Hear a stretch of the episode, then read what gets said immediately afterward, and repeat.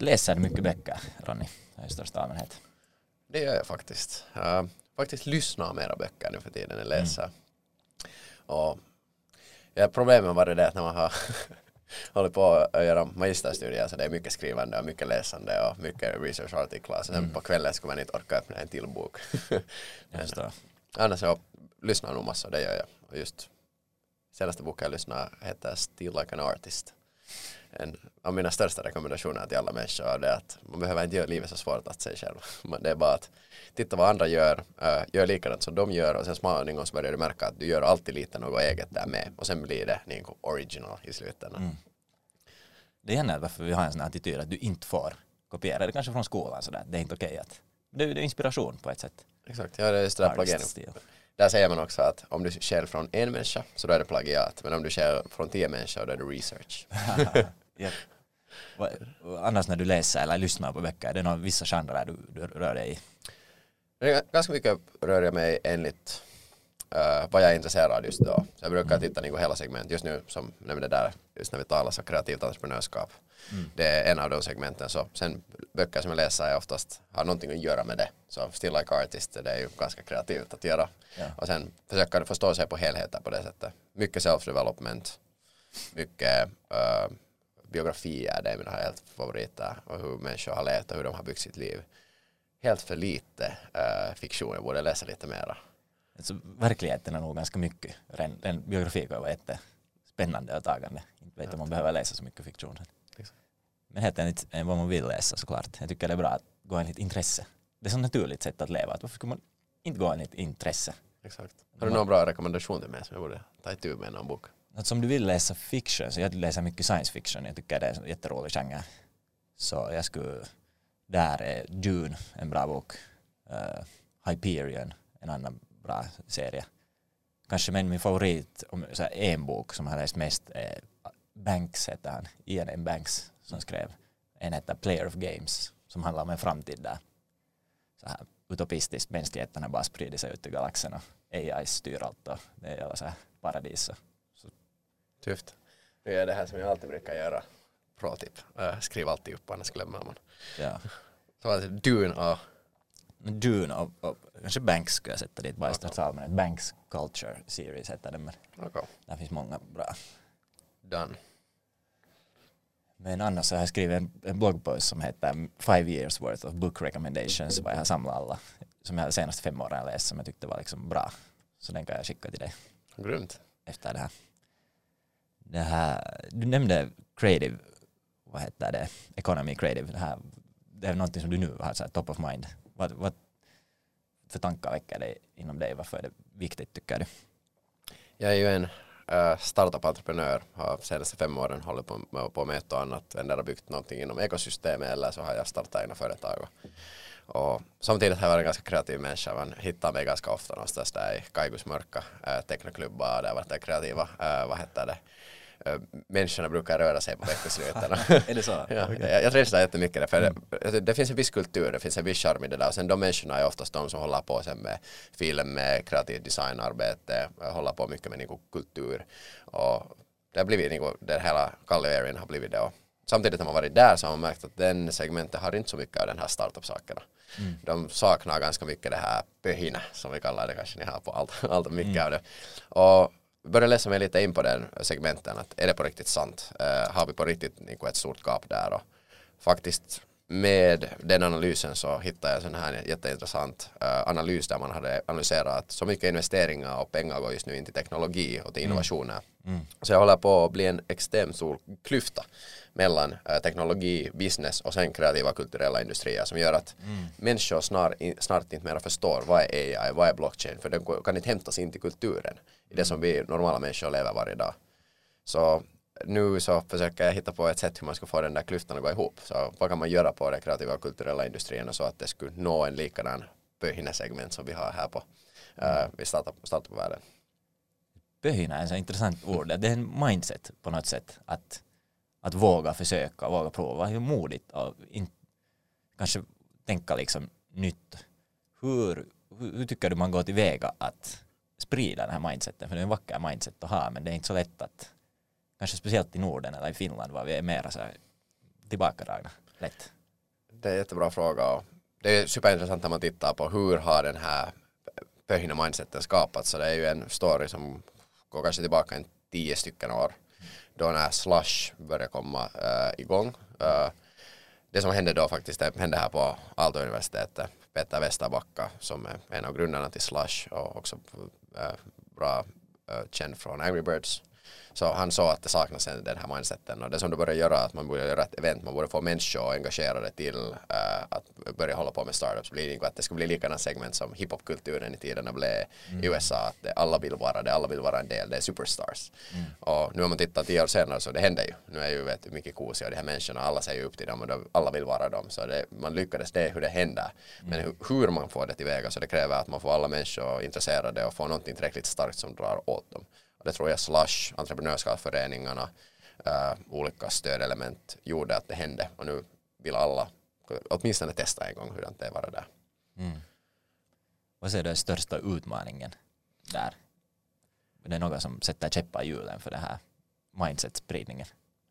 Nu är det säkert delvis politiska sektorn. Det tar ganska lång tid att sådana här förändringar händer och våra uh, den tiden som man sitter till exempel på ministerdelen, man sitter fyra år. Det är ganska kort tid att hinna göra någonting och sen att ta stora beslut för att göra förändringar så man vill inte göra det sen under sina sista år för det kan påverka resultaten av nästa mm. år.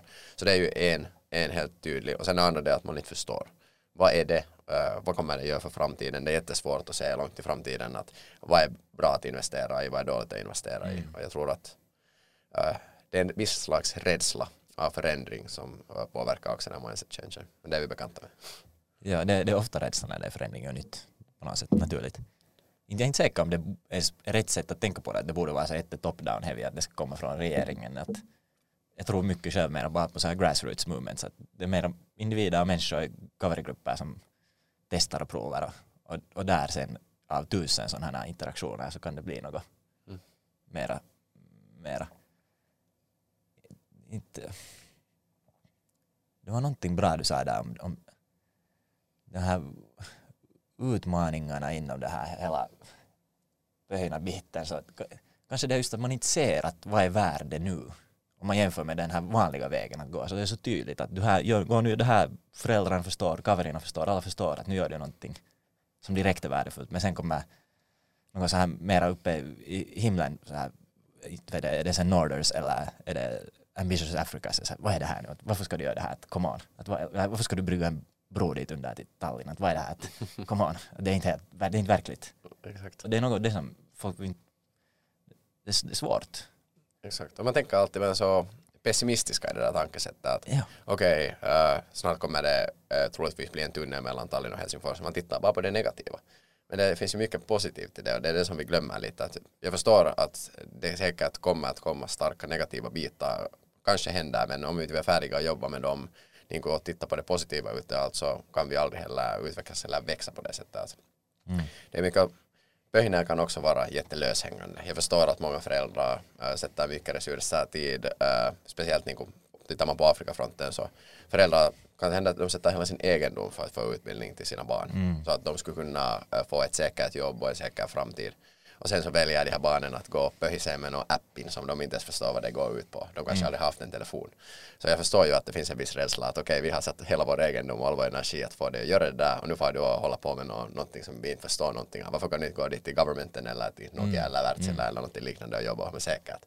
Så jag förstår ju det att, att vi hoppar så snabbt fram i utvecklingen just nu. Mm. Det är så exponentiellt så det som har varit igår så kan hända att det inte imorgon mera kanske de som gjorde det igår förstår inte alls vad det går ut på. Yep. Och, och, och statistiskt sett så kan, går det ju snett för många. Att det, är, det är svårt att göra något nytt. Det, det är väl statistiskt sett att majoriteten av alla startups är failar egentligen. Mm. Men det, det hör någonting till hela den här creative economy-biten att det är inte värde man skapar. Det kanske inte så mycket så här för dig själv pengar i banken direkt. Det kan hända men det är inte om jag förstår din syn på det rätta, att det är mera värdeskapande så här du kan lära dig saker och det kan vara värdeskapande för ett så här för andra människor som sen i slutändan blir mera värde totalt för hela samhället. Men det är inte lika det syns inte lika lätt för dig personligen. Och det är en annan mindset. Är det, det tycker du så här? Det är exakt sådär och det är ju i den kreativa ekonomin så värde är inte i produkten oftast, värde är i människorna, i människan. Som Ja. tänker, du kan köpa en tavla. Du kan köpa en tavla som är helt vit, det finns ingenting på den tavlan och på höger sida finns det en likadan tavla som är helt vit. Den som är på vänster sida är lika värd som en A4 när du köper den. Den som är på höger sida har någon coolt namn som Banksy bakom den och det kan vara värd en miljon. Så produkten ändrar ju inte men det är storyn bakom produkten, det är talangen bakom produkten som skapar värde för det och det är ju det som är superintressant att en logo kan man köpa nu för tiden för Fiverr för två euro. Köper man en logo från Norders så säljer vi det inte definitivt för två euro men då kan du vara säker att det finns en story, en tanke, en större vision bakom den där logon som är byggt upp baserat på det som gör dig stark, stark till exempel. Fast ä, ä, arbete och arbetstimmarna är ungefär detsamma. Det är hur man skapar värde av ingenting egentligen, kunskapen Ja, i slutändan. Och det låter papp- förbluffande. Va, vad, vad, vad menar man man säger det där? I slutändan måste ju något betala mjölken så du får liksom leva människor jobbar på det. Så berätta mer om Fast Norders som du nu nämnde. Vad är det? Vad är businessmodellen där? Vad gör Ja. ni? Norders är ett eh, nordiskt eller nytt nordiskt marknadsföringsbolag. Varför nytt nordiskt så vi kallar det finns en term som heter New Nordics. Eh, det är nordiska länderna och de baltiska länderna beräknat ihop till en region. Och, eh, men New Nordics är inte för oss en fysisk manifestation av eh, ett, en bit land och en bit gränser utan till oss är det mera en mindset, en tankesätt. Och nu kommer vi lite tillbaka kanske till det där pöhina mindseten så vad vi tror på att eh, nordiska länderna har en ganska gemensamt tankesätt som baserar sig från en del delade värden som Nordiska ministerrådet har bestämt här eh, och byggt upp tillsammans med människorna. Och de nordiska värdena, det, där finns till exempel tillit, transparens, så finns det sustainable innovation, så hållbar innovation. Och alla de här ihop eh, förklarar egentligen hur vi opererar. Så vi opererar vi, allt vad vi gör så brukar vi visa utåt hur det är och sen kan vi också eh, använda oss av mera liksom, lean and agile vad många orden på den svenska men eh, lean framework finns, finns uh, betyder att man kan använda just det mesta av de små resurser som man har. Så i Norden har vi alltid haft knappa resurser och då har vi hamnat bli innovativa hur man gör bättre saker. Så hur vi har använt det till Norders sen är att vi har använt av de frameworken, av de verktygen för att uh, hämta bättre, mer effektiva resurser till alla företag. Och sen gör vi det genom marknadsföringstjänster och genom försäljningstjänster. Så i ända, slutändan säljer vi marknadsföring för pengar. Men vi har ett helt annorlunda koncept och ett helt annorlunda tankesätt hur man erbjuder det utåt. Det är mer en process än en produkt. Så det är att först ändra tankesättet för kunden, sen att strategiskt bygga en bra marknadsförings och kommunikationsstrategi och sen efter det så flyttar vi oss till att kanske göra en nätsida, kanske göra en marknadsföringskampanj och kanske börja göra growth marketing så att man mäter data och analytik. Men den här bör- första biten måste först vara i skick och man måste först bygga upp en rätt slags värdebas och grund. Så Det där det är superintressant att ändra en värdebas och grund och det handlar ju egentligen om att editera på något sätt hur människor fungerar tillsammans i grupp, i företag, i, på individplan och i samhället. Och det är ju en stor sådär wow, vision att göra det och sen allt som du bygger där på är just för att betala räkningarna och, för att det måste vara verkligt också. Exakt. Jag tycker om den där tankesättet. Och det, vad, vad tycker du, hur, hur, har det, vad har funkat? Har, har det, hur har du sett det här? Vad, vad har liksom varit positivt?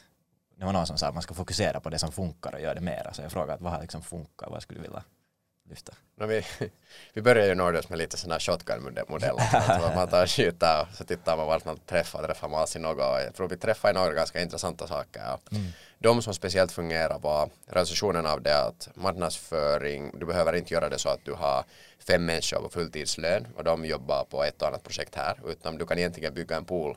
Vi har ungefär hundra freelancers nu i vårt nätverk Wow. och då plockar man en här och där till det rätta caset som du skulle behöva. Marknadsföring till din podcast så då skulle du behöva säkert någon som får skapa en visuell identitet. Och du har någon viss stil hur du vill göra det så då hittar vi en sån människa som kan göra det den stilen av vårt nätverk. Sen behöver du kanske någon som gör ad-based mar mar marknadsföring som man måste få uh, det att synas på något sätt och då behöver vi vissa typer som är kanske specialiserade till sån här mm. audiokommunikation eller videokommunikation. Så plockar man det bästa åt sig och gör det. Så det, det, det har funkat jättebra. Nu håller vi på att sätta mycket effort att få ännu mera människor med så att vi har ännu en högre pool. För talang är det som vi saknar i Norden allra mest. Det kan mm. vi kolla lite senare på. Och andra saker som har fungerat är att förstå att man kan bygga ett marknadsföringsbolag, en jättevanlig uh, servicebransch som en startup också. Mm. Och där har vi kommit med nya innovativa modeller som till exempel Norders Coin som är det ser i digitala världar ut som en normal peng eller slant. Men vad det egentligen är, det är en subscription-based uh, uh, modell att köpa marknadsföring. Så du har en uh, fastslagen månadlig pris vi har paket mellan 2900 och 5000 och tror jag upp till 10 000. Mm.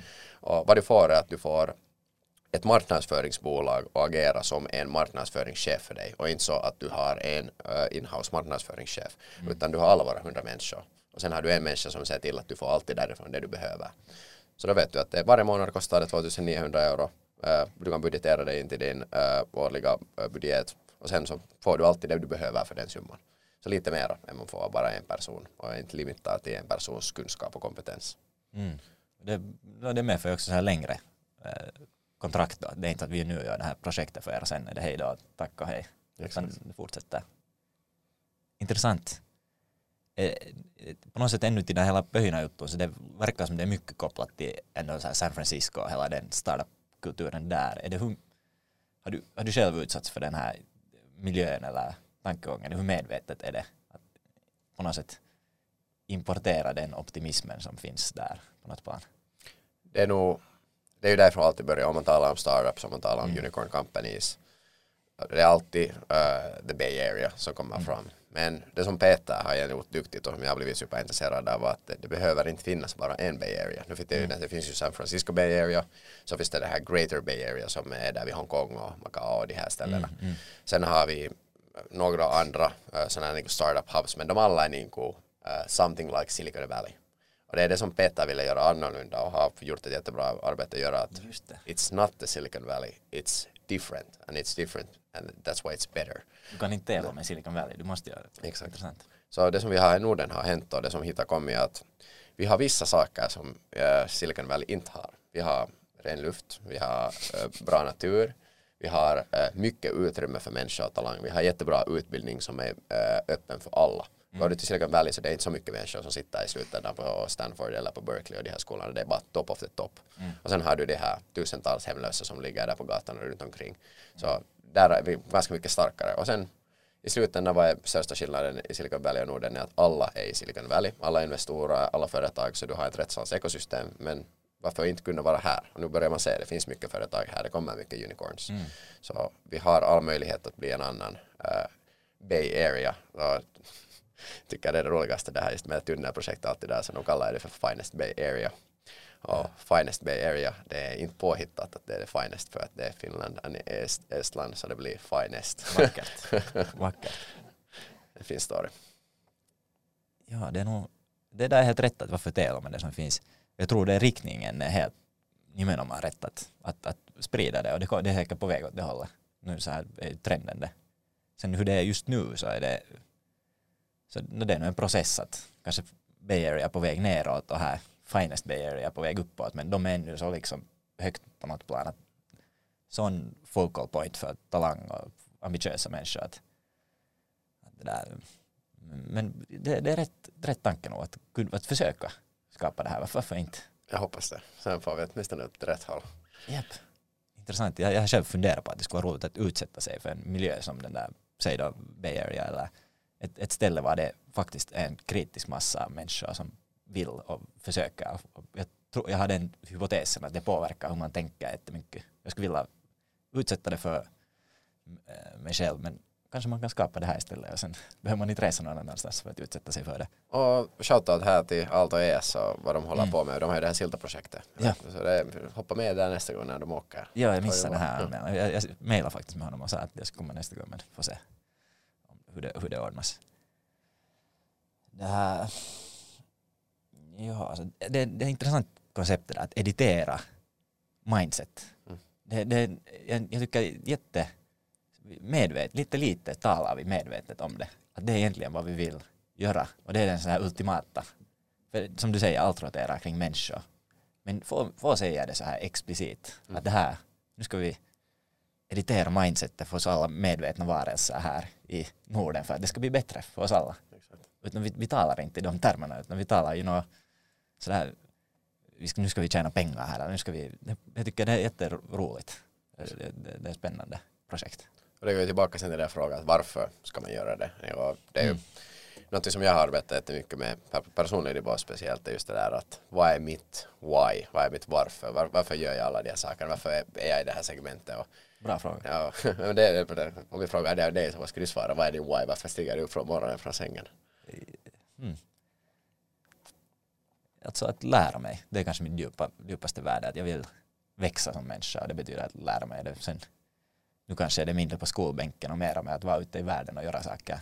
Men jag har tyckt om att kanske, kanske så på det sättet tänker jag det att jag genom att lära mig och gå igenom svåra saker så växer jag som människa vilket gör att i långa loppet så är det lättare att leva för att jag är mera kapabel och har vuxit mera. Så det får mig, det liksom kanske motiverar mig just nu. Och sen ser man olika element som, som börjar liksom växa ur det där why, som till exempel att du gör en podcast och vill träffa människor. Ja. Samtidigt när du lär dig så vill du lära lite alla andra också. Det, det är exakt så det ska vara.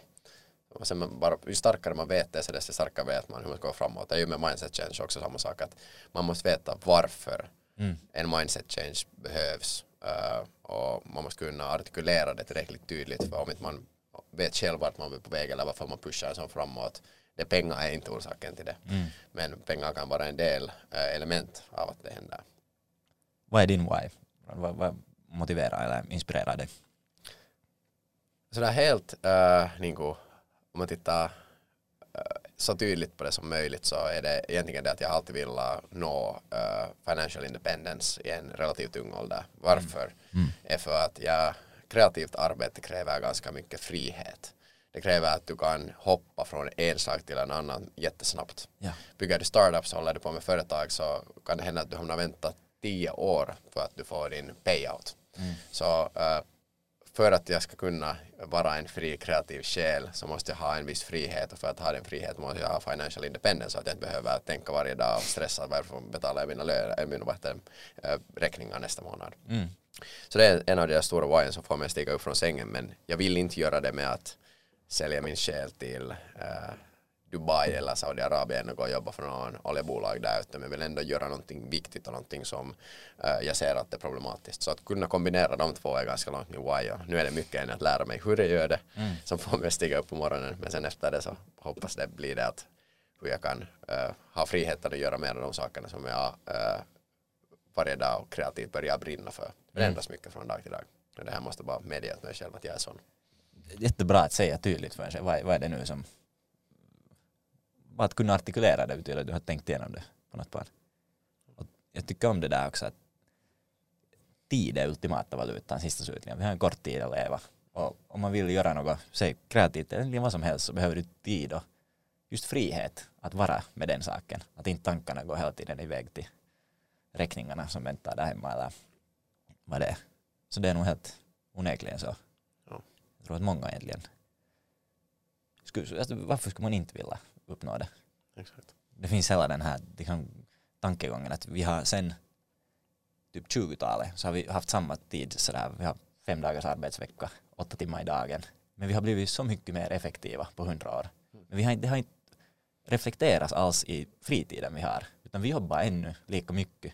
Kanske på något plan ännu mera, för vi är hela tiden connected och man måste liksom sitta hemma där och läsa mails på kvällen att vi skulle kunna ha, istället för att alla får 20% mera lön, så skulle man säga att vi jobbar istället fyra dagar mindre. Det är också Exakt. 20% mindre tid. Att varför kan vi inte göra det? Och det, det är på något sätt, tycker jag vi har missat. Det, skulle, det är också en sån sak som inte är helt intuitivt. Att vi, med att ge mera fritid åt människor skulle vi i långa loppet skapa mera värde, tror jag. För det skulle vända mera kreativa saker. Och det är egentligen det som vi behöver, de här zero to one, de här, det som överraskar. Och det är på något sätt, det är just inte intuitivt för att om man tänker bara i, i pengar så såklart ska vi jobba fem dagar i veckan. Mm. Va? Du vill bara in, du vill inte göra det så då är det här dåligt. Men det är bara dåligt i korta, kort, på, på ett liksom mikroplan. Makro så är det positivt. tror jag. Sen var arbetsstilen också lite fel, just det där att uh, jag anställer dig nu och jobbar för Norders till exempel och då ska jag anställa dig och jobba 37,5 timme i veckan, Ja. fyra veckor i månaden Ja. uh, och då ska du göra marknadsföring. Och sen om vi ska titta på det istället så att jag anställer dig och hittar åt oss 100 nya kunder varje månad. Punkt slut. Du får betalt exakt samma summa. Du får till och med mera betalt om du lyckas. Uh, och, och mig är det helt samma gör du det i en dag eller i 30. You choose. Uh, den här uh, liksom, mindseten och ändringen skulle jag också vilja se för jag lovar att det finns mycket människor. Jag har själv jobbat på större företag eller företag, liksom större helheter. Och det tog inte lång tid för mig att jag hade halverat min arbetstid. Så att jag satt i all ärlighet också alltid då och tittade på Netflix på min arbetstid. För jag hade bara ingenting att göra. Men inte, var det någon som frågade eller ville hitta på någonting extra för mig att göra då? För jag gjorde mitt jobb. Jag gjorde det som man krävde. Jag var bara lite smartare hur att göra, hur att göra det. Ja. Det, är en sån här low-key ljuger vi till oss själva hela tiden med att säga att man gör åtta timmar exakt varje dag mellan de där tiderna. Såklart. Men det är nu en modell som har funkat, det är inte verkligheten men kanske det skulle kunna vara bättre. Eller det skulle säkert kunna vara bättre. Och sen finns det ju naturligtvis vissa arbeten vart det måste vara på det sättet. Om ditt jobb är att säga städa till exempel eller jobba på ett lager. Så det är bara att ta en x antal timmar Mm. att lyckas göra det och lyckas ta det framåt. Man vet att det tar en halvtimme att köra med trucken fram och tillbaka så då tar det, det lätt att räkna. True, true.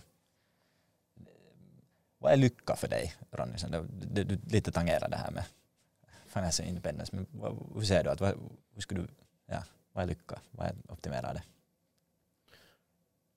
Lycka, det är ju jag har mycket faktiskt läst om det här ämnet och varit jätteintresserad att hur människor också ser på lycka. Och jag tycker om den här klichén att vet du, it's not the destination, it's the Mm. journey som Mm. är den där lyckan och det kommer ju tillbaka till det att man borde ju ha, varje dag borde vara ju en extremt rolig dag, borde vara en liksom, lyckosam dag och Mm. det är ju inte alltid på det sättet men eh, det är målet. Men vad är lycka för mig? Jag skulle säga lycka är en frihet för mig att kunna ha en stabil levnadsstandard men kunna eh, just kreativt hoppa från en till en annan sak och vara med i många saker. Mm. Jag, jag, inte, jag har lärt mig snabbt att jag är inte lycklig med att eh, fokusera mig åtta timmar i dagen på bara en slags arbete utan jag vill vara mer med i större helheter och kunna tappa in här och där. Mm. Och sen lycka för mig det att jag skulle få på riktigt berättat och bättre kommunicerat, kanske till och med så här influenserat världen av Norden och, Norden och dess styrkor. Jag Mm. hoppas att mycket mer människor skulle hitta sin väg hit, skulle hitta sitt hem här. Mm. För att det gör min omgivning, vår omgivning, mycket mer eh, vad heter det, internationell också. Så det blir kivare också att spendera tid här och vara i de här städerna och vara i de här ställena. Ju mer det händer desto mer drar det sig åt. Så de kanske två sakerna ihop och sen att ha så mycket tid för familj och vänner som möjligt det är någonting jag har neg- neglektat mycket här under de senaste åren. Så. Ja, det, det, jag tycker det, det är många bra poänger där. Jag läste faktiskt lite i förväg före det här, vi träffades idag, sen någonstans så sa det, var det någon intervju eller någonting, att du sa att, nu paraphrasing, jag är inte säker vad det är exakt så, men att om, om jag inte ler så vet jag att någonting är fel. Och det är en här vits, jag tyckte det är bra mindset, att vill du berätta mer om, om det och hur, ja.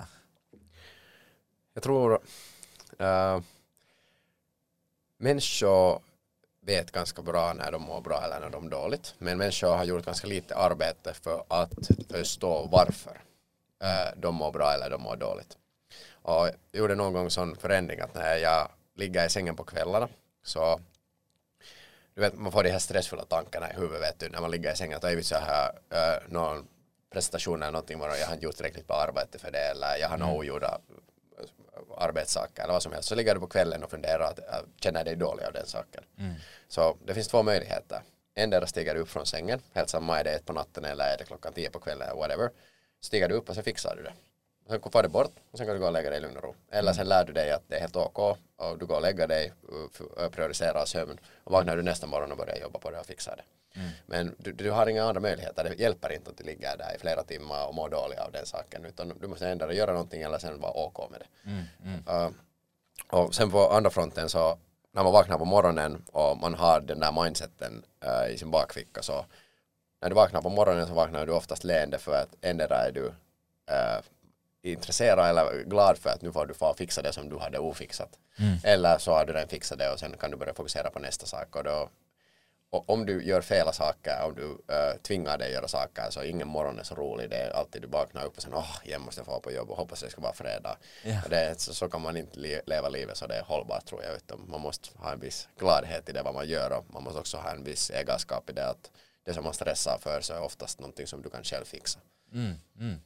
Så det, kanske det är så naturligt sätt att tänka, att lyssna på dina egna signaler. Att är du ledsen eller glad så du måste lyssna på det men ändå är det inte alls en självklar sak. Vi är så på något sätt vana att pusha igenom bara, tänk inte på det där. Och att du har hittat den där mindseten, måste kräva ett visst mod också att lyssna på, på den där känslan när du har det där, inte vet jag, jobbet eller studieplatsen som alla tycker är jätteimponerande och såklart du ska fortsätta med det. Men sen om din, du, din själ eller ditt inre säger något annat så det kräver ett mod att lyssna på den. Att det, det, det, vad tror du att har utvecklat det här? nu ska jag säga att eh, några saker som har hänt, hänt i misstag och sen några saker som man har lärt sig eh, eller tvingat sig att lära sig sen på tiden. Så jag började meditera på sjunde klassen, högstadiet. Eh, då kom de här iPhone touch och iPod touch och ett och annat som man kunde få av olika applikationer. Och sen min kompis hade hittat randomly en meditationsapplikation och han sa att jag går alltid lägga mig och lyssnar alltid på det här, det hjälper massa. Och sen skickade han det åt mig. Nice. Spela basket. Uh, Kanske den hette helt liksom Sleep Meditation, tror jag det var så simpel. Ja. Uh, den här appen, jag har den någonstans på Spotify ännu men ja, jag måste leta det fram. Men uh, så lyssnade jag på det, jag spelade basket då jättemycket och jag hade jätte, mina hade träningar som slutade tio på kvällen och sen försökte du gå och lägga dig efter det före klockan ett eller någonting, det är omöjligt. Så mm. började jag lyssna på det och sen bara plötsligt började jag pass out. När man kom in till det där att du bara andas och du lugnar dig och sen somnar du. Mm. Mm. Och det stannade så att jag, jag, gjorde, jag gjorde det ännu idag. Samma, inte samma applikation men liknande applikationer och liknande sätt. Och det fick mig kanske in till det där att det finns sådana här alla möjliga äh, människor skulle säga kanske spirituella och sådana saker som man har varit jätterädd för för det är annorlunda och det kanske inte har hört till vår religion och så vidare men därför är buddhismen en jätteintressant religion för där jobbar du jättemycket med dig själv hur du lyssnar, hur du äh, känner till. Så började jag läsa mer om den saken. Jag har varit på alla möjliga tio dagars silent meditation retreat och vart man går sen på riktigt djupa in i de här sakerna och sen har du inga telefoner och ingenting som du kan äh, kolla på utan då hamnar du på riktigt bara med dina egna tankar. Och mm. sakta men säkert så har det utvecklats i något nu har jag försökt börja snacka med andra människor hur de gör, hur upplever de sakerna. Just till exempel av dig, mm. att känner du igen när du känner ångest? Vet du varifrån, vad det handlar om? Varifrån kommer det? Mm. Eller dyker det bara upp och sen är det bara så okej okay, nu har jag dålig feeling så sen whatever. Eller har du någon sätt att veta att okej okay, det här var kanske det där att jag sov ganska dåligt igår och kanske var lite att dricka bisse. Och... Ja, det är nog, nu, nu är ganska bra tycker jag på att iaktta. Och jag säger att förut har jag, jag kanske inte, inte varit lika medveten om det. Nu, nu jag och det som kan hända är att jag, jag känner ångest men jag är lite så att jag orkar inte gå in i det. Och jag vet att om jag går in i det så hittar jag orsaken och det kan lösa. Men är det något i mig som är sådär att nu liksom, vad vill jag inte. Men det är också en sak som alltid när man gör det, alltid när du sitter ner och mediterar så känns det bra. Men ändå är det något i hjärnan som inte kan göra den här kopplingen att är det vår vet jag, så här reptilsida som det känns lite motstånd att gå liksom och analysera det där och därför vill man inte göra det. Men meditation, superintressant ämne och det börjar så tidigt, det är ovanligt berätta mer om vad det är för typs meditation. Är det ännu just bara före du går och sover eller? Jag har testat lite på allt möjligt och jag har inte heller egentligen hittat aldrig sådär att jag skulle tycka om att sitta bara i tystnad flera timmar. Det finns alla, många olika modeller hur man kan mm. göra det men för mig har meditation kanske mer blivit att lära sig det där bastankesättet. En stor rekommendation till alla människor, ni lyssnar säkert många på musik. Mm. Lyssnar säkert mycket på musik och i sin råaste form så är meditation det att du lyssnar på en sång och du på riktigt lyssnar på den där sången. Ja. Så niin att lyssna hurdana olika instrument det finns i den där sången. Lyssna på, kan du höra ljud utanför uh, den musiken du lyssnar. Det är ganska få av oss som lyssnar musik på det sättet. Och det är egentligen så tycker jag man borde uppleva och lyssna på musik. Men sen när du gör det så plötsligt märker du att, att niin kuin, du fokuserar. Det är meditation. Det är exakt samma sak som man lär i alla meditationshalter men du kan göra det helt med normal radio. Mm. Behöver inte desto mera. Så du säger att vara på riktigt närvarande i det man gör eller att lyssna på musik. Istället för att bouncea ut liksom i framtiden och börja tänka framåt eller tänka tillbaka eller i liksom tankarnas värld. Exakt. Det finns en Alan Watts, en jättekänd sån här röst av meditation och hålla, brukar man lyssna på någon sångare så brukar han alltid emellan ha en, en någon slags sån där intro eller outro. Att han, han, har, så han har en sån, um, sån här meditationsövning som heter Listen. Mm. Den rekommenderar jag att lyssna. Det är 15 minuter hörlurarna på ögonen fast och sen lyssnar man igenom. Han går igenom tre huvudsakliga tekniker. En är tekniken av att lyssna. Mm. Sen andra är tekniken av att andas. Och sen tredje börjar gå lite mera in till vad egentligen meditation är och vad finns det liksom för andra steg till det. Men den är jättebra. Mm. Den här tre, tredje steget, jag tycker i, i många saker så beskriver vi bara massa så här regler eller algoritmer eller formler. Men vi talar sällan om liksom meningen. Att varför, vad ser du som är den här, varför gör vi det? Vad är poängen med att? Uh, vi har ju de här två olika rösterna. En är den rösten som uh, vi talar själv utan den som vi själv uh, koordinerar tar framåt. Och andra rösten är ju den rösten som snackar inom, innanför ditt huvud hela tiden. Mm. Och det som är meditationens point in the end tror jag är att lära sig att det är samma röst.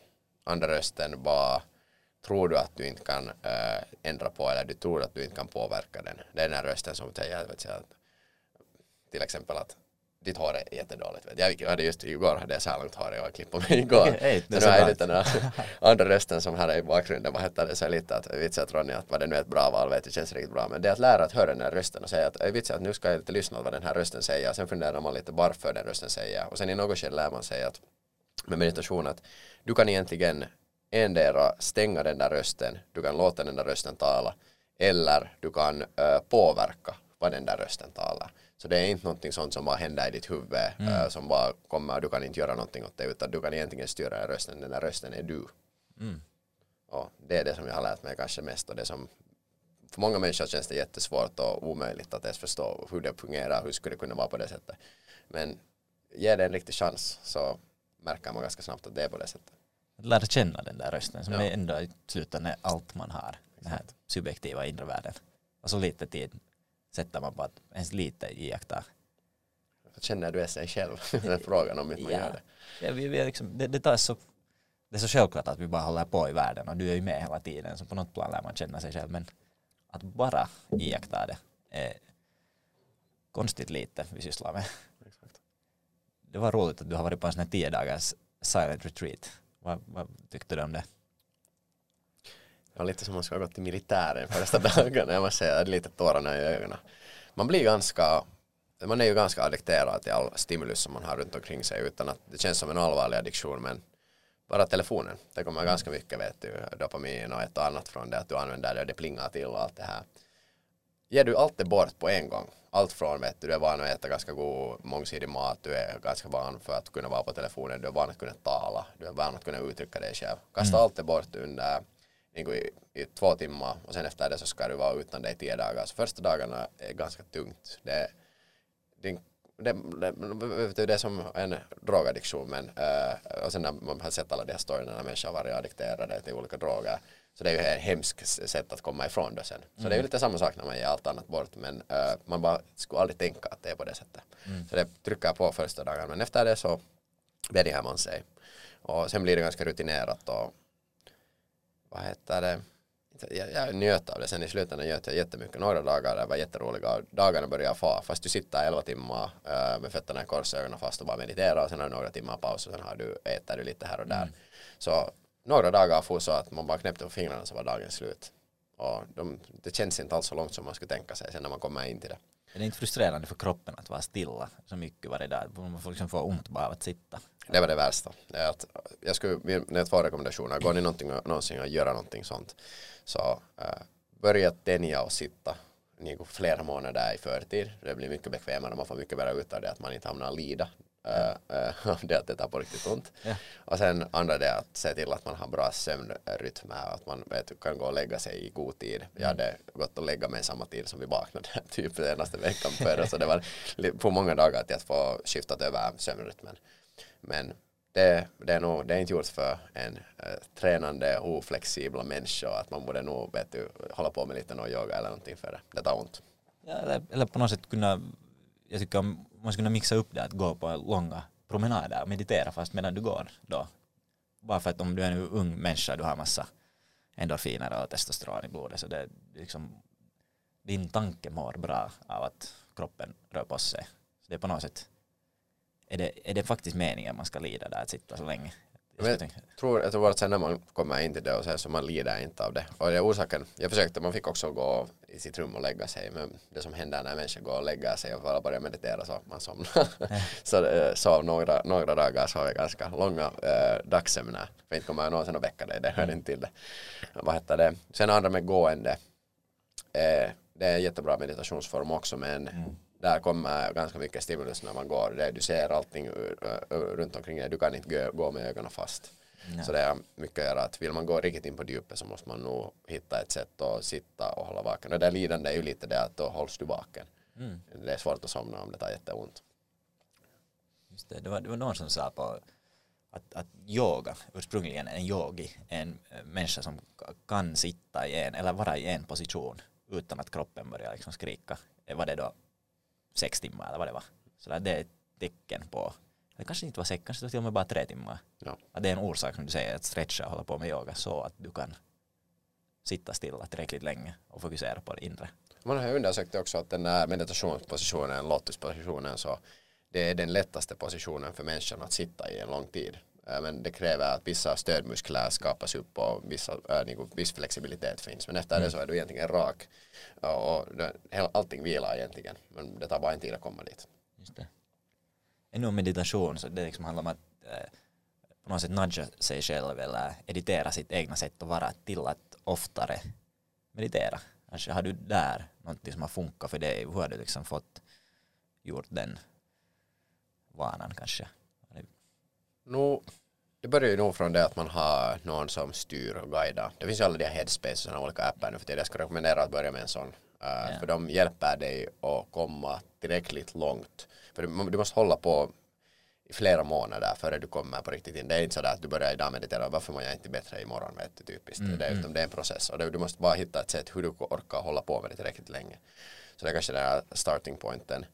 Men sen just det, när, sen när man förstår uh, och kan leva med den där baskunskapen uh, och, och, och, förstå hur det fungerar. Sen skulle jag just lyssna på någon Alan Watts Listen och sen skulle jag bara börja lyssna på musik till exempel. Det är en jättebra form att meditera. Mm. Min pappa lyssnar på ljudböcker. Mm. Och så började jag i något skede några år sedan och berätta till honom om meditation och allt det här så får han igenom några niin kuin, äh, audiofiler och några äh, kursböcker som jag hade hittat och grävt fram till honom och sen bara kommer han till mig en dag och säger att men Ronny, det här är onödigt att jag gör det här varje kväll när jag lyssnar på ljudbok. Att exakt samma process, exakt likadant. Att jag mm. börjar fokusera på det vad jag lyssnar på och sen så märker jag att det kommer tankar i huvudet och de brukar jag skuffa bort så att jag kan fokusera på att lyssna på boken. Och sen är man sådär att oho, men det är bara, inte har man bara, bara behövt en label på det. Mm. Det är vad han gör. Mm. Superintressant. I, ibland tänker jag det som att man låter tankarna falla på plats när man bara lugnar ner sig och liksom gör på en sak så det, det händer automatiskt den där processen att massa saker som, som naturligt att sker. Sen om meditation så nyligen tänkte jag så att, att det, man gör det ensam i liksom mina egna tankar. Men egentligen orsaken varför man gör det är jättesocial. Jag, jag gör det egentligen för att jag vill vara en bättre version av mig själv när jag är med mina vänner och när jag är med andra människor. Och det har varit, kunnat vara lite mer som en sådär i den här världen var det förväntas att du skulle vara ett extrovert och du förväntas att du skulle vara liksom en så bra människa. Så det har varit som en stark morot för mig att okej, okay, jag vill göra det här fast jag är ensam och gör det så jag gör det för mig själv ja, men egentligen för alla andra också. Det tycker jag jättemycket om för det är ju att vara mer, eh, spendera mera tid eh, för dig själv och med dig själv för att kunna vara mera äh, där för dina vänner. Ja. Att man tänker sådär att okej, okay, att nu introvertar du dig själv helt och hållet och går och sitter ensam i något äh, rum för att meditera, men egentligen gör du det för att du ska kunna vara mera här för dina vänner, mera i den här konversationen som vi just nu har. Ja. Ja. Det är ett intressant sätt att se på det. Det, det på något sätt tappar in kanske till den där sidan av att man vill, vi är ändå så sociala människor, att det tappar in till den sidan att man vill vara liksom fungerar bra i, i grupp. Och det är ett sätt att hjälpa det. Och sen att det hjälper en massa annat också så är bara bonus. Jag har sett på en term senaste tiden som är bara så här, det är inte ens meditation utan det är bara non-sleep uh, deep rest, mm. NSDR. Och det är bara att du, vad som helst, bara du liksom lugnt är, men du sover inte. Och då liksom just ger du plats för tankarna och ger plats för, för det här, bara kroppen att do its thing. Att man inte hela tiden är i en sån där analysmode, jätte sådär aktiv, som vi så lätt är i världens moderna samhälle. Och det är superintressant, kanske sista noten därifrån från äh, min meditationsläger. Så före meditationsläger så hade jag alltid då och då sömnproblem just av det att jag äh, funderade och stressade av vissa saker alla nätter och fick inte mm. sova därför. På meditationsläger så gick jag och frågade, man fick fråga en fråga i dagen. så använde jag en dag till det att fråga en fråga. Jag frågade att jag får inte sova, att vad ska jag göra? Mm. Och de tips var åt mig just exakt det här att äh, om du går och ligger i sängen på kvällen och du bara fortsätter göra den här meditationen så helt samma sover du eller sover du inte så kommer du vara full, med full med energi och fully rested nästa dag. Och så gjorde jag det den kvällen. Yeah. Tapp, jag somnade. Och sen efter det alltid var likadant, bara somna, somna, somna. Och egentligen det enda som, som jag gjorde som ändring var det att helt samma sover jag eller inte, får jag sömn eller inte, så bara ligga där i sängen och egentligen gör mig färdig för att sova. Så äh, kommer jag äh, må bra nästa dag. Och mm. där, där får mina sömnproblem, aldrig haft mer äh, problem efter det. Vitsi så skönt, för det där tar ju bort den där stressen av att jag borde somna, fan varför somnar jag inte? Utan om du bara du är lugn där så det är som att sova nästan. Exakt.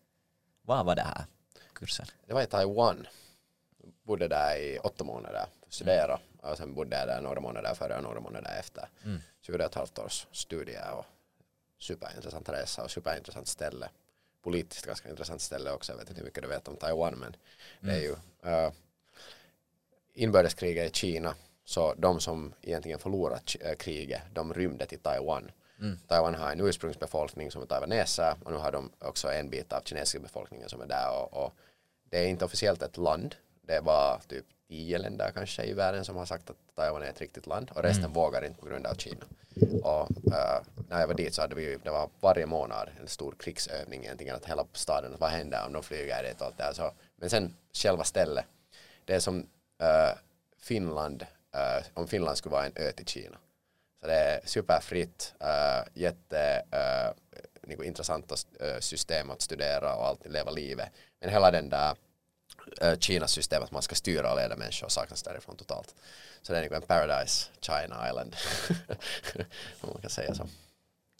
Eric Weinstein säger att, att, att allt som har att göra med krig är jättetråkigt men det finns den här romantiska sidan att det att det är Kina där bredvid och det kan imorgon allt fall liksom försvinna så får det ju också på något sätt vara mera öppet nu, nu ska vi liksom göra det här roligt och göra det här bra.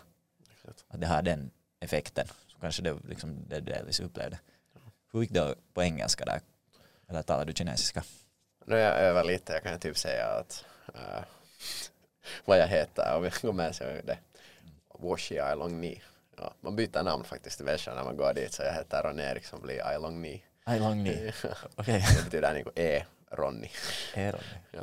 Nice. Uh, men man klarar sig nog jättebra på engelska. Största delen av människor talar, åtminstone på en moderat nivå som man kunde klara sig. Uh, sen med bas uh, Google Translator och sen baskunskap i, i kinesiska så klarar man sig nog ganska bra. Att, man kan visa med telefonen ganska mycket nu för tiden om man är någonstans riktigt på landsbygden. Men det är ju en mega, mega stor stad, Taipei till exempel, tog kanske 17 miljoner människor eller någonting bor där och det är mm. lika stort som Helsingfors. Så det, äh, där finns ju, det är så internationellt, det är så mycket människor som rör sig där. Mm. Det finns så. allt du behöver. Man klarar sig ja. Om det är någon hankeiter som lyssnar så äh, man kan gå på utbyte från Hanken dit, det är ganska nice. Två olika skolor. Jag tror att allt också, jag, ja. jag, jag har hört folk som har... Jag hade, jag hade också faktiskt en kille som var med. Till och med gymnasiet ja, kände jag någon som. Jag, det är så underskattat sätt att se, eller inte vet jag om det är underskattat, jag i alla fall, när jag studerade så jag tänkte inte ens på det så aktivt att få på utbyte. Och vitsen är sån miss, att såklart man ska få ut och uppleva saker, gör mera. Det är så låg risk och, så high reward. Som det ofta är det att göra vad som helst nästan är ganska låg risk high reward. Men speciellt det där utbytet. Det är liksom lära sig så far. På Hanken är det ju obligatoriskt. Man måste, jag tycker det är jättebra att alla måste få ändra och jobba eller studera till en X-period. Det öppnar nog människors ögon mycket. Och det är en helt annan sak att få på resa och dricka lite bisse och festa med kompisar än det Ja. att på riktigt flytta någonstans och hamna och bygga en vardag där. Ja. Det är få av oss som gör det. Att, att tvingas ut ur sin så här eh, safe space environment och göra någonting. är Så bra. Redan också att flytta till ett campusområde eller att, att inte bo hemma när man studerar eller vad som helst. Så det är så det är bara så värdefullt. Exakt. Och det är just att äh, är du bekväm? Många människor svarar ja, jag är jättebekväm, livet är bekvämt. Sen okej, det är inte så bra för det betyder att du inte växer. Mm. Alltså, obekvämhet är där var man växer mest. Det här det som Anna du har talat mycket om det här learning by doing. Att liksom tala lite mer om det. Vad, det, vad du tycker det Och din podcast är ju en av de jättebra exempel av vad är learning by doing. Mm, Så äh, det är bara att börja göra. Och det är för många av oss som sitter Äh, och planerar och det här ska vara kiva att göra och det ska vara nice att göra sånt här. då, äh, så håller man på att planera en podcast. Men och så länge som du inte gör din första episod så länge kommer din podcast inte bli bättre eller du kommer inte få det som du vill ha. Så det är learning by doing handlar om att gå ut dit, du har någonting du vill göra, börja göra det och berätta det till människor. Och det, det är så som största och finaste och mest intressanta sakerna händer. Vi kan sitta och planera, vi kan vara riktigt finska ingenjörer i bakgrunden och bygga och äh, inte berätta till någon. Och sen funderar vi att varför ingen köper vår stol eller vår, äh, vårt spel som vi har gjort, den är jättebra men vi har bara inte berättat till någon av det så hur ska de veta att köpa det? Mhm. Så det är väl learning by doing in essence.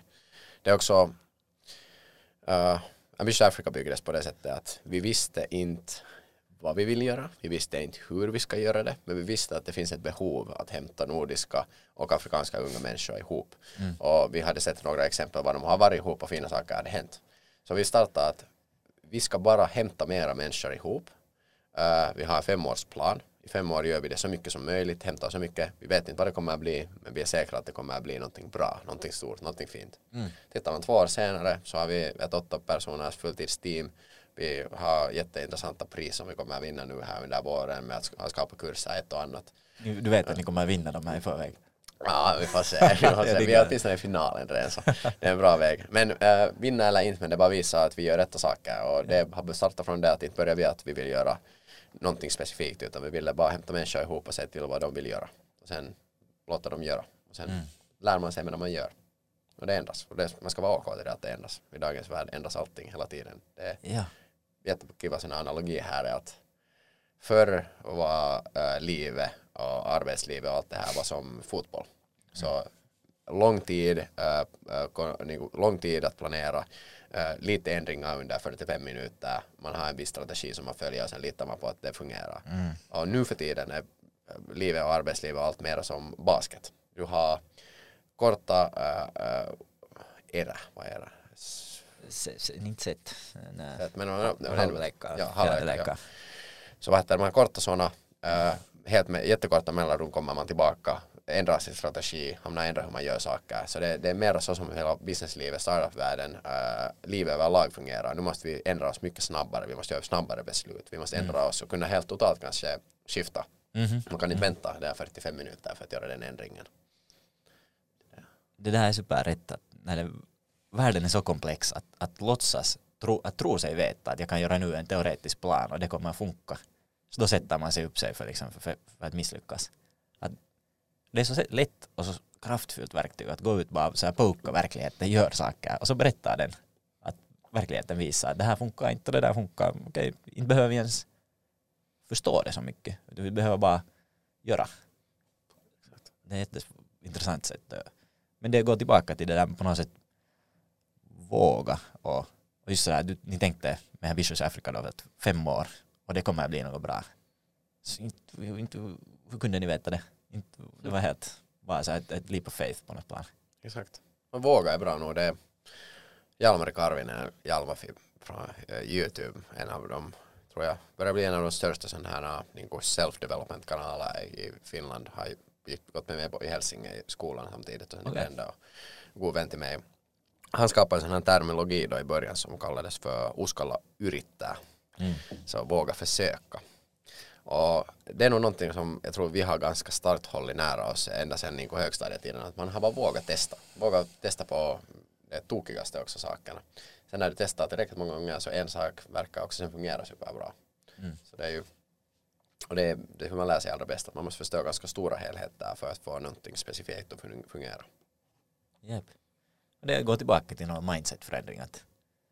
Det, det känns inte så kiva att försöka för det kommer den där sannolikt så kommer det misslyckas och det kommer kännas dåligt. Men i långa loppet så är det bra. Exakt. Så det är på något sätt att möta det där. där du nämnde nu någon är det, är det några andra liksom, podcasts eller online-personligheter som du följer som du tycker har, brukar ha bra juttu? No, alltså Peter Westerbacka tycker mycket om faktiskt när jag pitchar honom till dig, dig till honom så om okay. du vill ha honom som gäst så han kommer gärna fast nästa gång. Okej, okay, jag, Passar inte i den helheten men vad heter det de som jag har kanske jätteaktiv, Alexander Pärleros och Framgångspodden lyssnar jättemycket, det var vad jag fick mig bli inspirerad av podcast då i tiden. Mm, mm. Så jag höll på mycket att lyssna på det.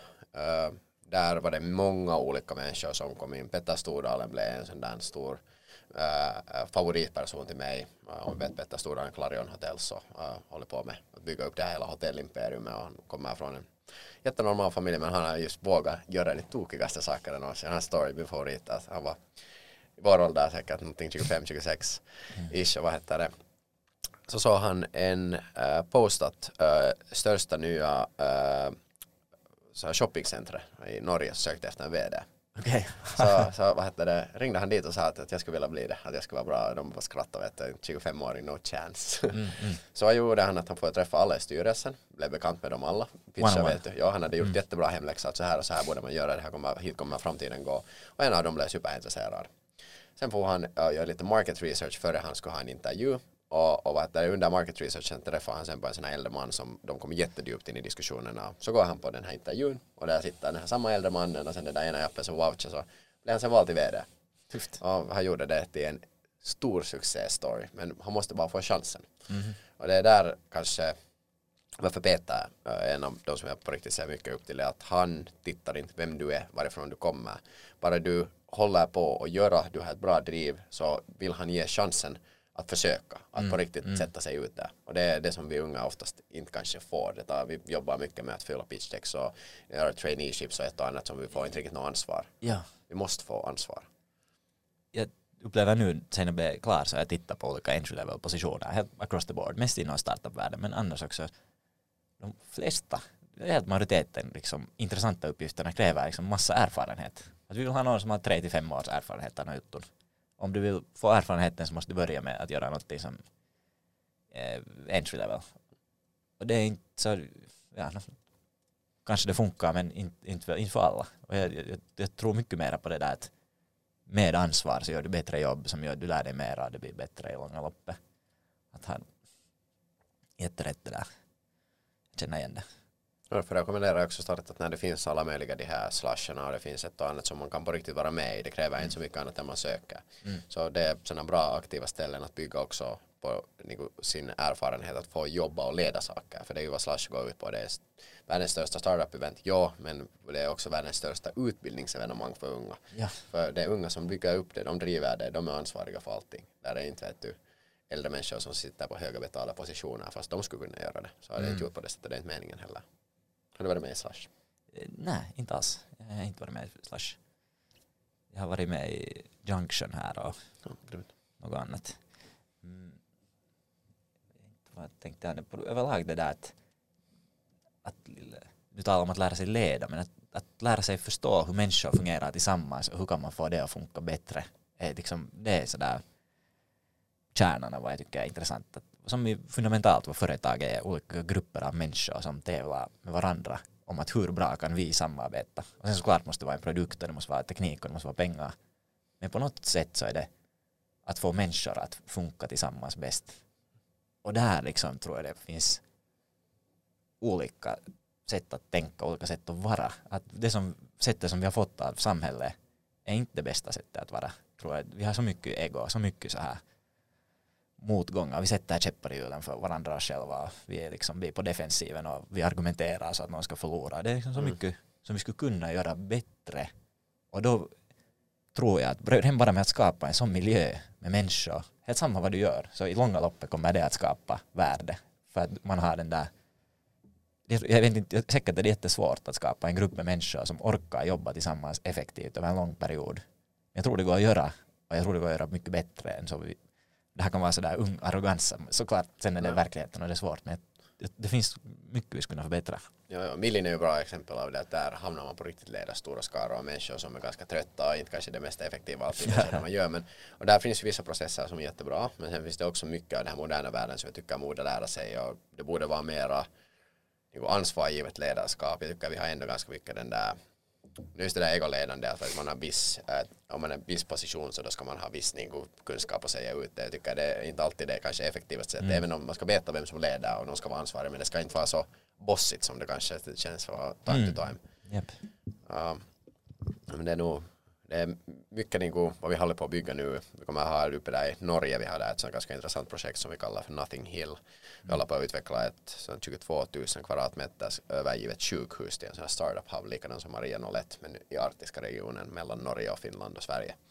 Och Ryssland naturligtvis också ligger där på gränsen, så de kommer att vara någon som vi hittar vägar säkert att samarbeta i framtiden.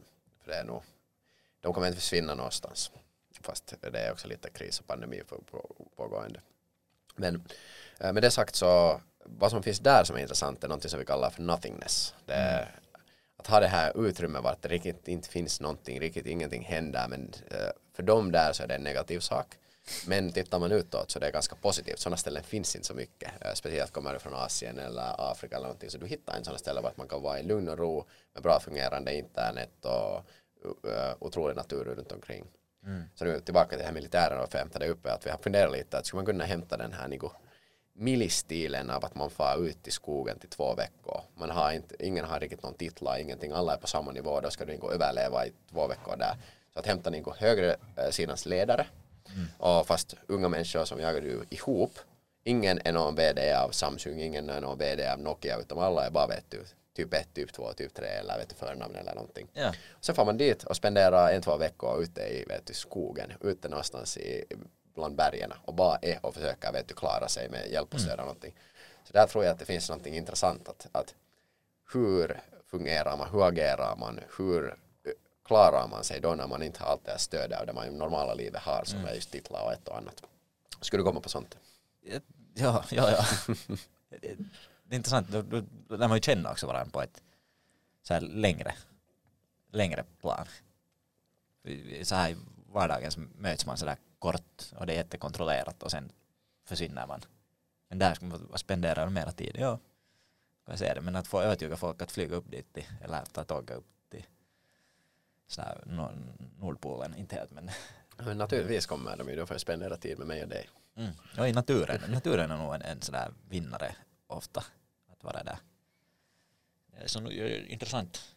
Och ja, det, det, det hör till just att få människor att komma överens tillsammans. Så jag är, helt, jag är övertygad om att om, om du har en, en grupp människor och ni har liksom något svårt problem så sitt nu inte för guds skull framför liksom alla sina skärmar och tala om det utan gå ut i, om möjligt, om bara som möjligt att vara liksom så här, gå på en lång hike och tala om det så är det lätt att underlätta Ja, jag, jag har en annan sak som kanske du kan hjälpa mig med som är sån här kognitiv dissonans jag möjligtvis har av att jag tycker om att göra mycket de här podcasterna, jag tycker om att skriva ganska mycket, jag har en blogg med hundratals inlägg. Men jag tycker inte så mycket om att dela det här. Och det är kanske ett, en tankegång som många har att jag vet inte, det just finns mindset sådär man vill inte för mycket pusha på andra.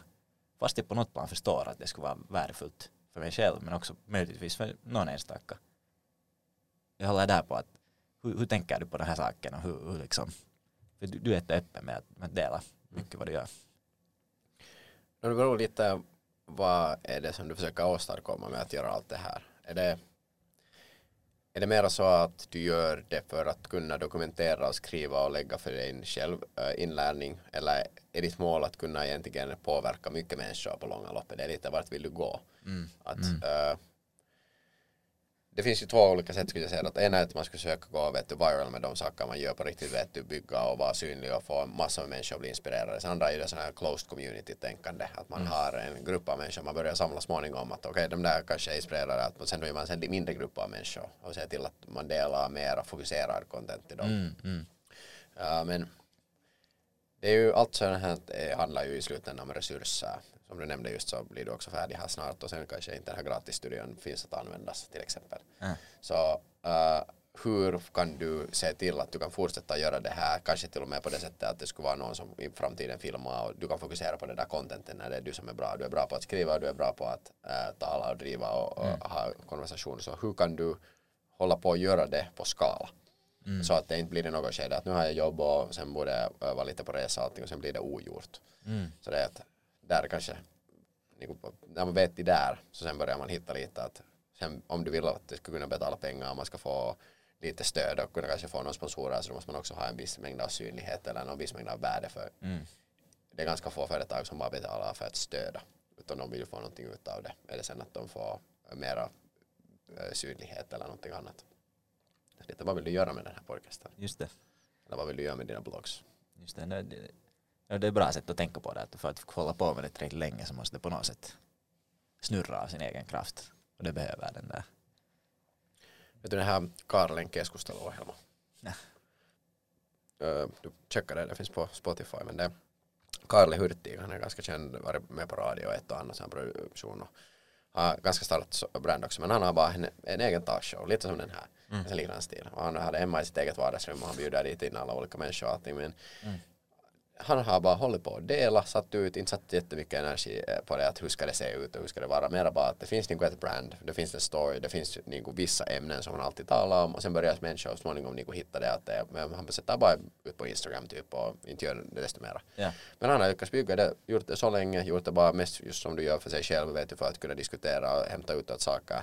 Men småningom så börjar människor bli så intresserade att nu för tiden så har han hela tiden, han har alla equipment kommer från sponsors och han har så mycket lyssnare och enda som han gör är att han bara sin egen sak men han bara hela tiden delar det. Ser till att det går ut på ett visst strukturerat sätt så att mm. en människa fast i dagen om det kommer mera och lyssnare så är du redan 165 lyssnare om ett år. Det är det när det är lite små siffror så det är stora procent där plötsligt fast det är inte så mycket nyare. Sant. hur gammal är Karl? Är det hans fulltida ute att göra?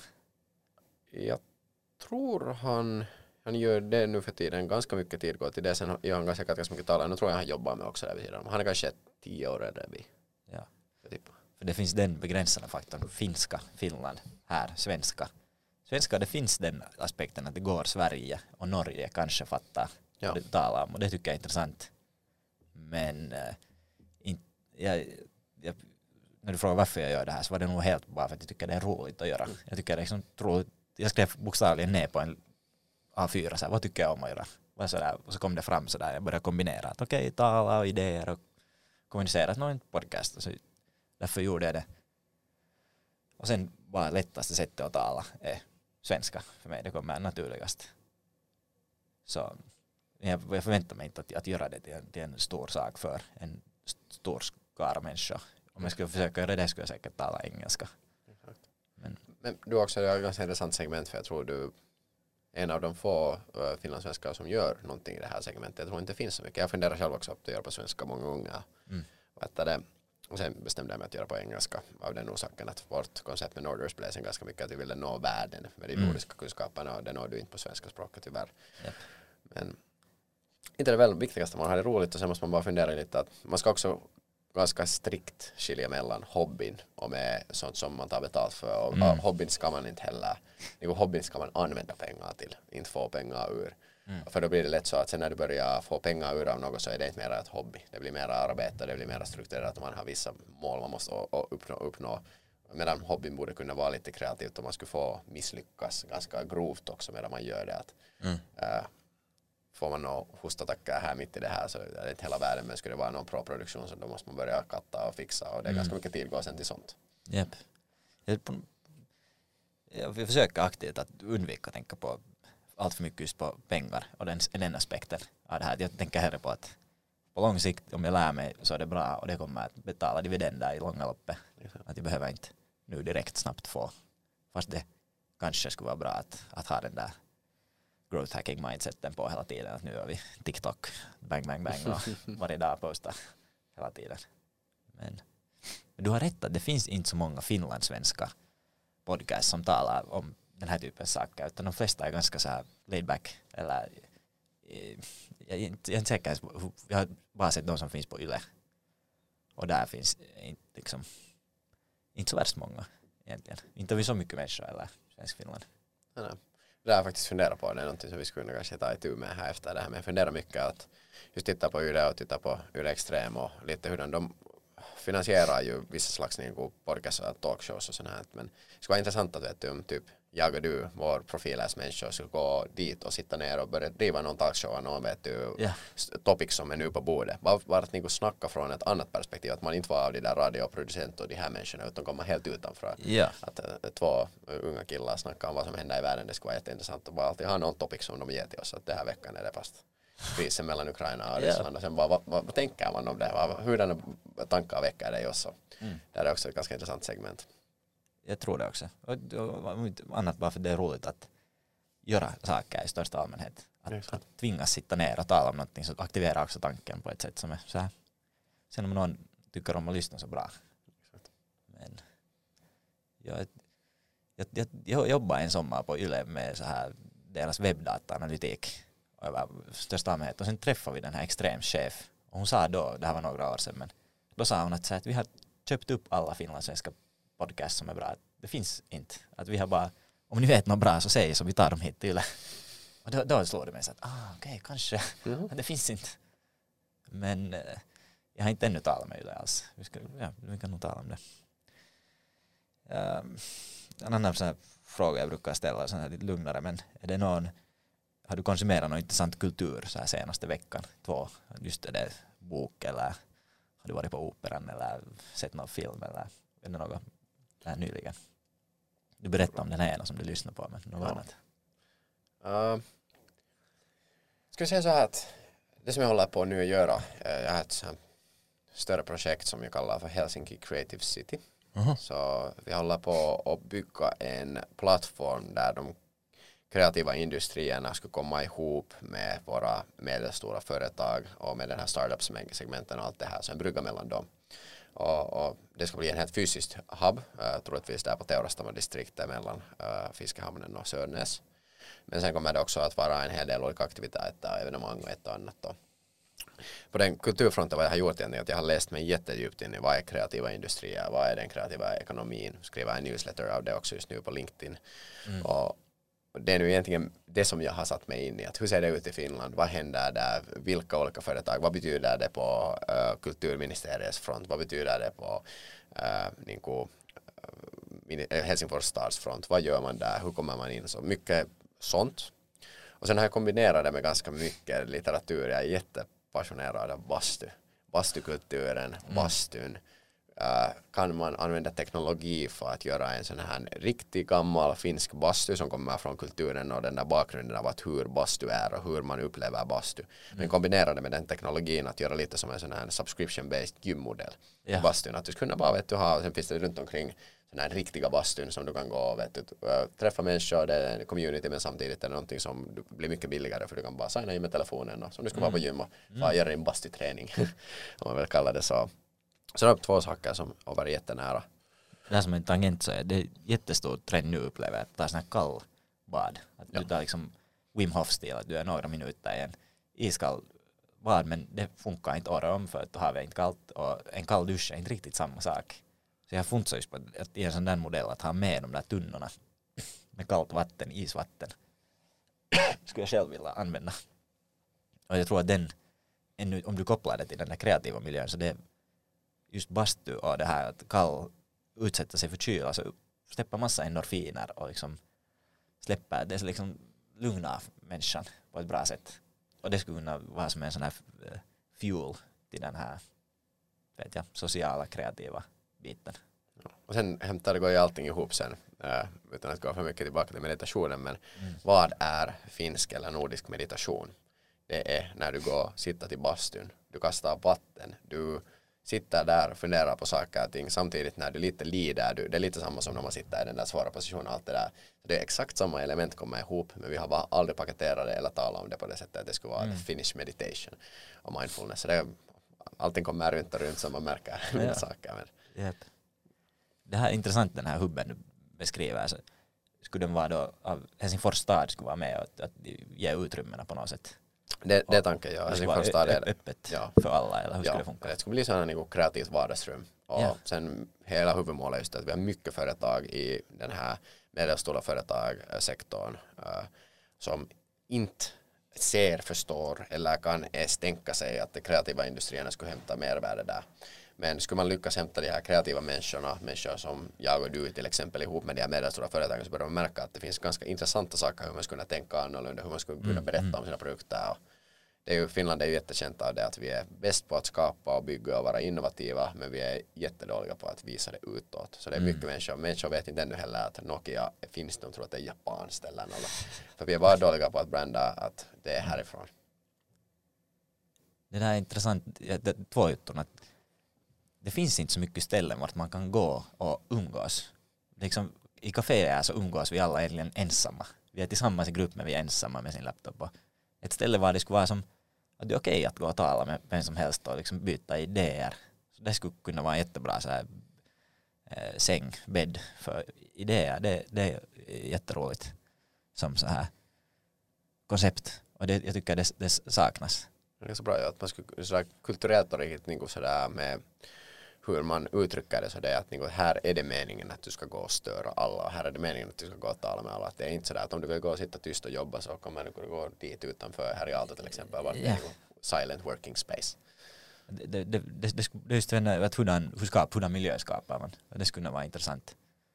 Sen den där med att få ihop, du talar om medelstora företag och på något sätt kreativa människor. Så till det har jag tänkt att, att vi är människor och jobbar bäst som när vi är en klan vad det finns av alla åldrar, alla liksom, som en stor familj tillsammans, så har vi historiskt varit. Att alla, alla har olika saker att bidra med. Att är det då, är du yngre så kanske du har ett, ett nytt perspektiv att se på det, du, men du sen förstår inte kanske något annat som äldre människor kan komma in med, en viss insikt eller visdom att så här lönar det sig att vara. Så den här att komma tillsammans ihop är det så här naturliga sättet att jobba som jag tror att det är ger mycket mervärde.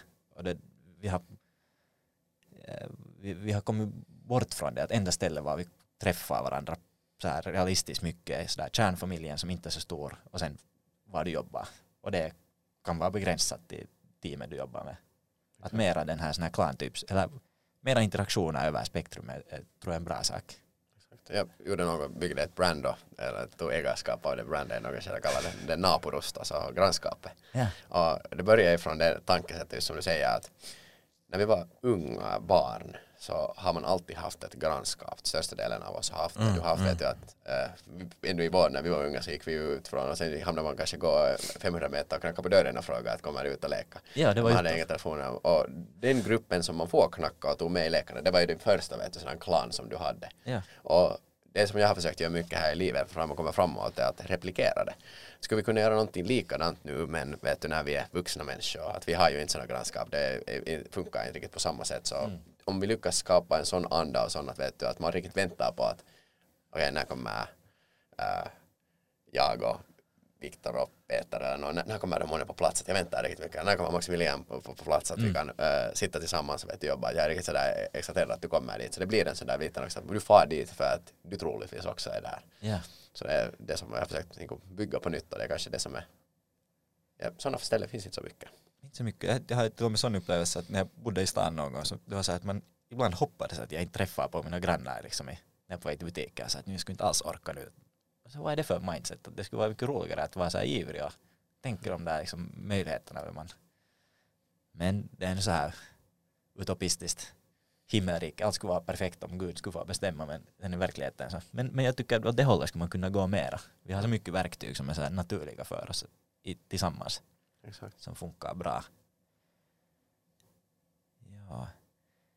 Det här är en sån fråga som jag ställde den av Mårten Mikkos på förra veckan, han, han kallade det en sån här den dummaste frågan någonsin men jag tycker om ändå att ställa den. Och det är, så, han, han, det att, att, är det någonting som du har lärt dig sent som du önskar att du skulle ha lärt dig tidigare? Som, som är sådär att vits om jag ska fatta det här då så skulle det ha varit, är det något som kommer comes to mind där? Ja, det är säkert allting i det svaret men att det är det.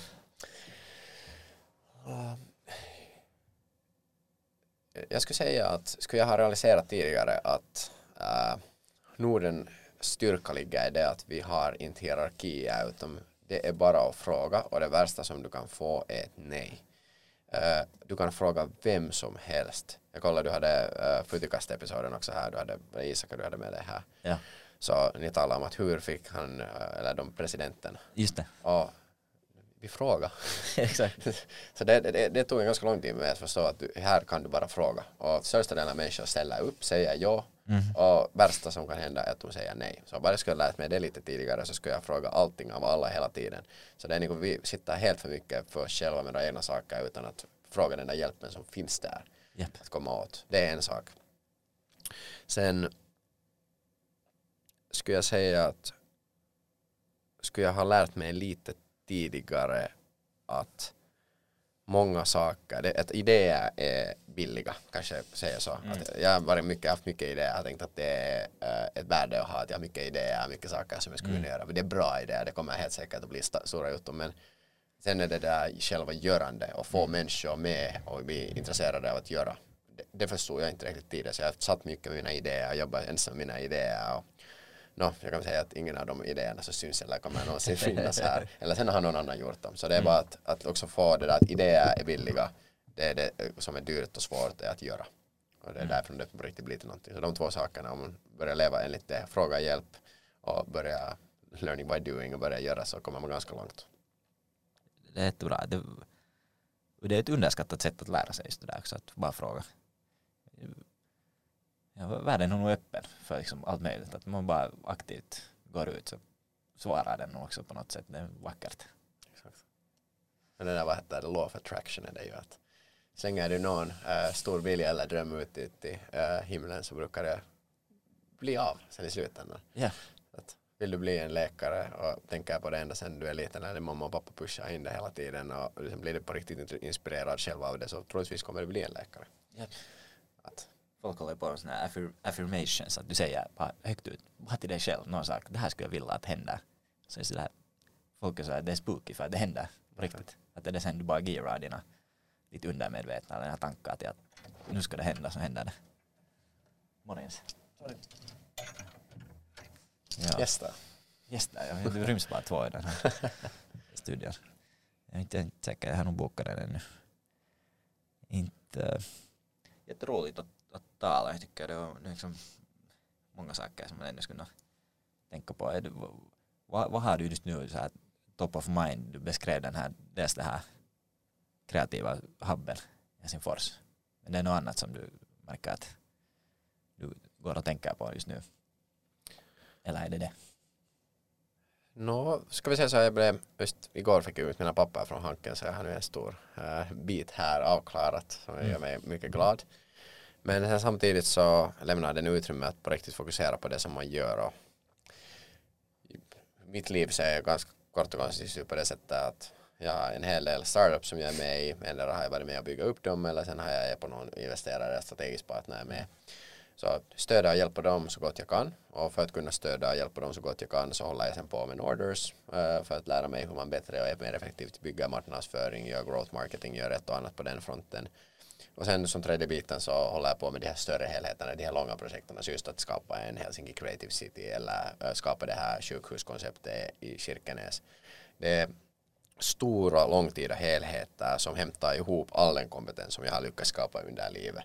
Alla de människor och kontakter jag har lyckats få. Så det, är ju, det är ju stora och flera, flera femårsprojekt som det handlar om. Så det är bara att försöka göra, lära sig att bli bättre så att man kan uh, kontribuera mer effektivt till allt det som man håller på med.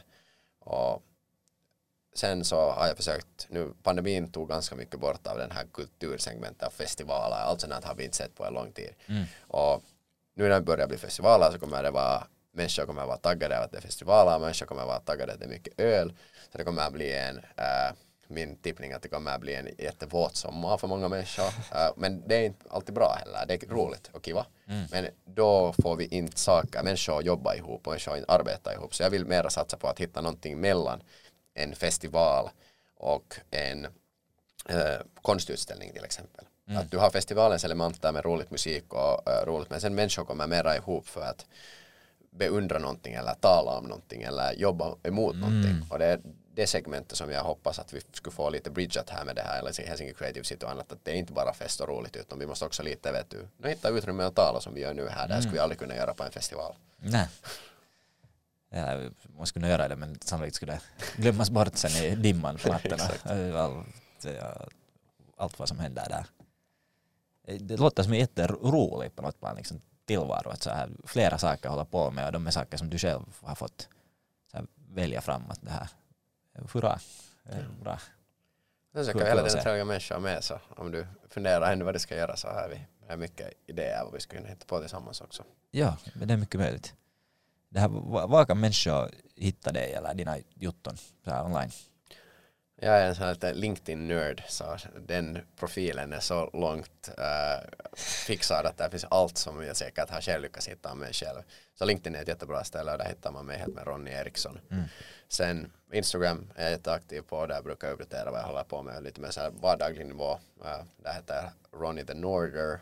The Norder kommer sen från Norder så jag ville vara lite så här vet du, ledande gestalt i det mm. som vi byggde. Och så alla nätsidor och sånt så kanske det är norders.agency och ambitious.africa och nu nothinghill.no som är sådana tre huvudkanaler vart vi har de här olika projekten satta men LinkedIn och Instagram. Hej, tufft. Det, det, det, är bra att ha ett, ett ställe. Så varför inte LinkedIn när det är nu där var alla samlas nu?